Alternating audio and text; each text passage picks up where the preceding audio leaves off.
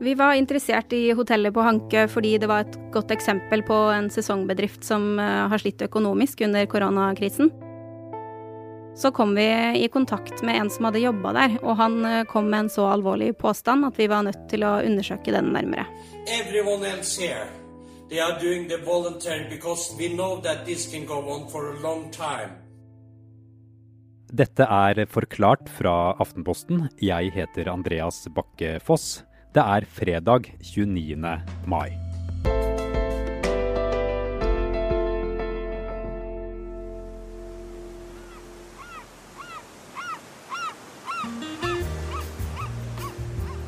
Sør i Oslofjorden, rett utenfor Fredrikstad, ligger Hankø. Aftenposten-journalistene Jan Gunnar Furuly og Nina Selbo Thorseth dro hit i starten av mai.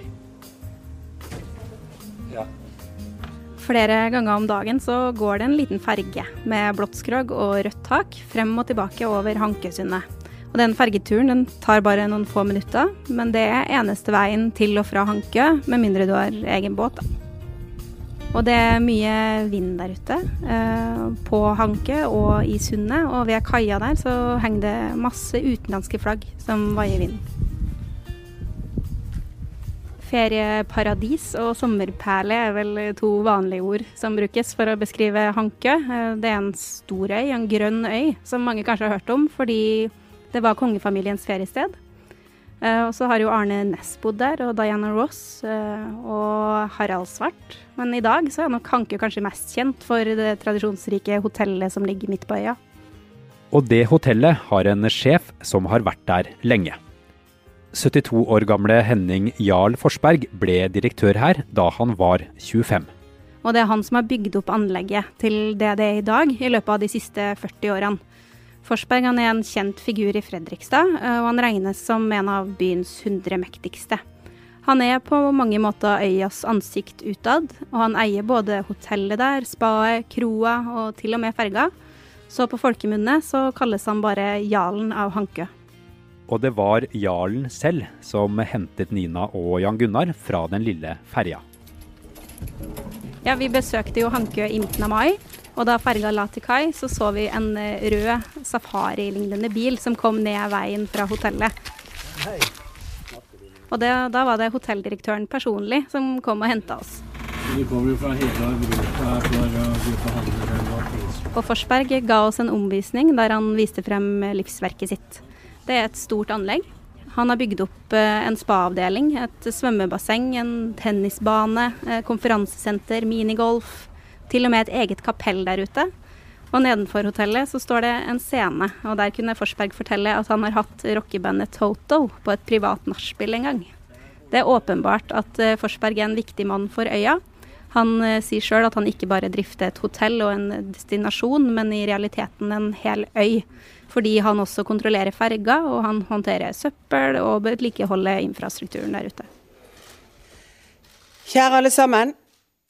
Så kom koronaen, rett før hotellets mest innbringende måneder, og dørene ble stengt umiddelbart. Eh, Norge blir satt på en stor prøve. Statsminister Erna Solberg begynte å snakke om dugnad. Og på Hanke så ble det dugnad. Men det skulle bety noe helt annet enn å holde avstand og vaske hender. Vi er straks tilbake. I høysesongen bor det rundt 30-35 medarbeidere på Hanke hotell og spa. Og selv om det nesten har vært tomt for gjester siden midten av mars, så er det mange arbeidsoppgaver. Behovet for vedlikehold forsvinner ikke, og stedet må også være klart den dagen gjestene kan komme tilbake. Så husker du den påstanden Nina nevnte i stad? Så kom vi i kontakt med en som hadde jobba der under koronakrisen, og han kom med en så alvorlig påstand at vi var nødt til å undersøke den nærmere. Hvilken påstand var det? Han hevda at han hadde blitt pressa til å jobbe gratis for hotelldirektøren, samtidig som han var permittert. Hvem var det som kom med denne påstanden? Det er en utenlandsk sesongarbeider som heter Todor Pavlov. Han kom fra Bulgaria, og vi møtte han på en kafé langt inne i Østerdalen i slutten av mai.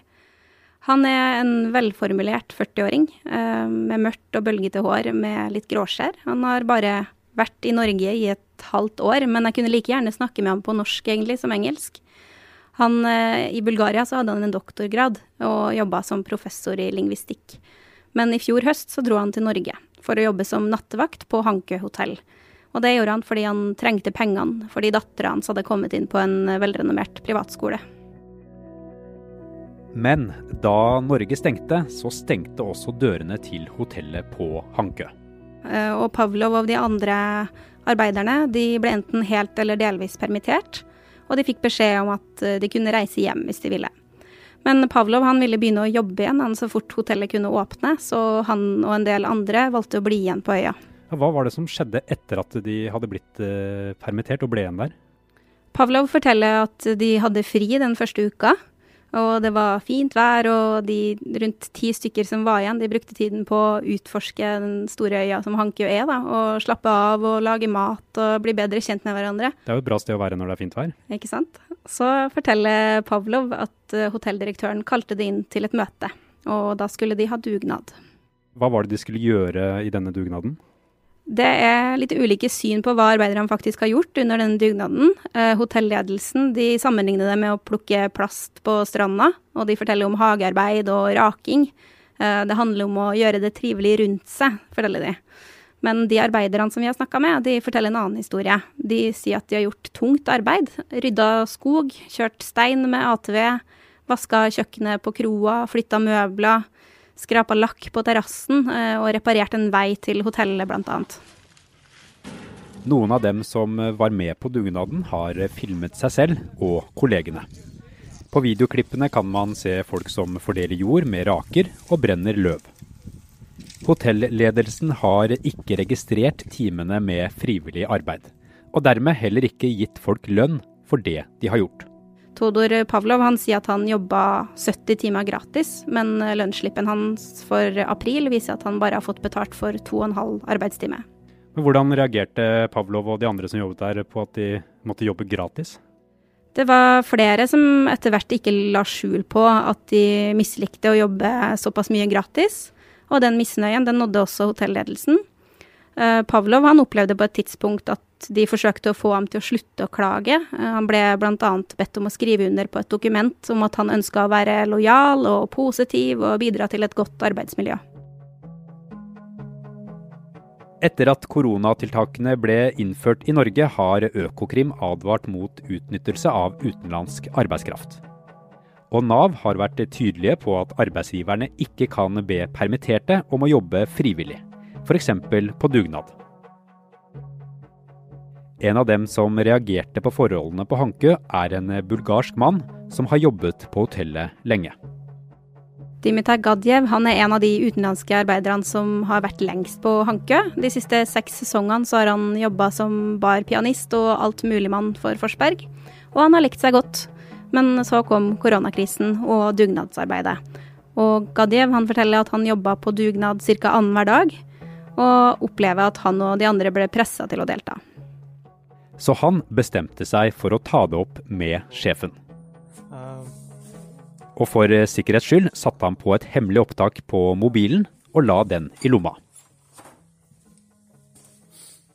Det opptaket har han delt med oss i Aftenposten.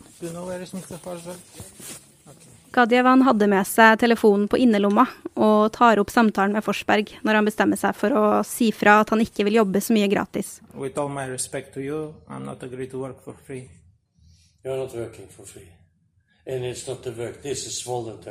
Av opptaket så kan vi høre at Forsberg hisser seg opp kraftig. Everyone else here, they are doing the voluntary because we know that this can go on for a long time.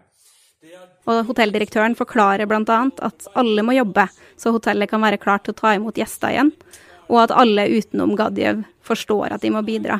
Og han anklager Gadjev for å ikke forstå at han er heldig som er i Norge og kan nyte av det norske velferdssystemet, som Forsberg påpeker at han og hans familie har bidratt til å bygge opp ved å betale skatt gjennom mange år. My father, my mother has, and myself has built up this country so can we have these social good things. Do you think that you get, get it paid by the government? I'm working for free. I mean, The point is, you don't understand. You are. På spørsmål om eh, hva det er han vil, svarer Gadjev at eh, det han vil, er å jobbe og få betalt. What do you want? Nothing. I want to work and to receive money for this. I'm not tot- talking totally not for you. I know that this is difficult situation Og at han eh, kan jobbe noe frivillig, men ikke hver dag. You know. and I make two days, you know, volunteer. But every day to make This is not every day. it start to look like. I'm sorry, sir. Så Nina og Jan Gunnar dro tilbake til Hankø. De ville snakke med Forsberg om anklagene, og la ham høre opptakene Gadjev gjorde i hemmelighet. Denne gangen kommer han ikke og henter dem i den røde safaribilen. Da vi skulle konfrontere han med det vi hadde funnet ut, så dro vi jo tilbake til Hankøy igjen. Han møtte oss der på landsiden og ville gjøre intervjuet om bord i ferga som lå til kai. Altså ikke på selve øya. Nei, inne i ferga, i passasjerrommet. Han hadde med seg administrasjonssjefen på hotellet, eh, og vi brukte en god time på å gå gjennom alt sammen og la de svare og, og korrigere ting som eventuelt var feil eller misforstått. Forsberg avviste mye av det han ble anklaget for, og han nekter for at de har brukt gratis arbeidskraft. Eh, Hankø-ledelsen hevder at alt av jobb som er gjort for hotellet, er registrert og lønna arbeid. De avviser også på det sterkeste at de har pressa utenlandske arbeidere til å gjøre arbeid for hotellet uten å betale dem. Mm. Men disse arbeiderne har jo beskrevet arbeidsoppgavene de påstår at de fikk. Hva sier Forsberg om det? Her står jo egentlig stridens kjerne, da. Eh, som Forsberg sier, når, når er det jobb arbeiderne skal ha betalt for, og når er det frivillig arbeid som egentlig handler om å gjøre det trivelig rundt seg. Hankø-ledelsen de, de hevder at arbeiderne bare har gjort frivillig arbeid på eget initiativ, at hotellet ikke har tjent noen ting på det, og at arbeidsoppgavene ikke på noe vis egentlig kan knyttes til hotellvirksomheten. Og de nevner f.eks. raking flere ganger under intervjuet. Men da vi spurte dem hvem som vanligvis gjør alle de arbeidsoppgavene som de hevder å ha gjort, så må de erkjenne at det vanligvis gjøres av en vaktmester, og han får betalt. Altså, Forsberg han understreker at hans hensikter hele tiden har vært de beste, at han aldri har ment å presse noen, men han sier også at hvis han har gjort noe galt, så skal han ta ansvar for det. Mm. Hva har skjedd med Pavlov og Gadjev og de andre som sa fra om dette? Pavlov han fikk sparken eh, og forlot øya i starten av mai. Før det så klaga han til Arbeidstilsynet. Eh, de er nå i gang med å undersøke arbeidsforholdene på øya. Han er fortsatt i Norge og håper å finne seg en ny jobb. Også Gadjev lette etter ny jobb. Han sa opp på Hankø etter en stund fordi han ikke ville jobbe mer gratis. Hva med de som eh, fortsatt jobber på hotellet? Det er fortsatt en del arbeidere igjen der ute, minst eh, åtte stykker. eh, Og nå har Hankø-ledelsen bedt de signere en skriftlig erklæring om at de har jobba frivillig på eget initiativ under korona. Saken om Hankø har allerede skapt reaksjoner etter at den ble publisert i Aftenposten denne uken. Arbeidsminister Torbjørn Røe Isaksen fra Høyre sa i Stortinget at en arbeidsgiver som ber folk jobbe gratis for bedriften, bryter loven. Bare la det være helt klart, eh, som et generelt poeng. Det er ikke lov å permittere de ansatte og så be dem komme tilbake og gjøre jobb. Eh, og om man så kaller den jobben for dugnad, så er det ikke dugnad hvis det er en jobb i tilknytning til bedriften. Eh, og igjen, et generelt poeng. Da er det også sånn at hvis man f.eks. skader seg, da, når man utfører dette eh, permitteringsbruddarbeidet, eh, er man ikke dekket av de normale ordningene for skader på arbeidsplassen. Det er eh, president, et, misbruk av permitteringsordningene, uten at jeg kan gå inn på konkrete saker. Men det er regelverket, og det er klart og tydelig. Vi har fått veldig mye reaksjoner etter at denne saken ble publisert, så vi jobber nå med flere ulike spor, og så får vi se da om det blir noe av.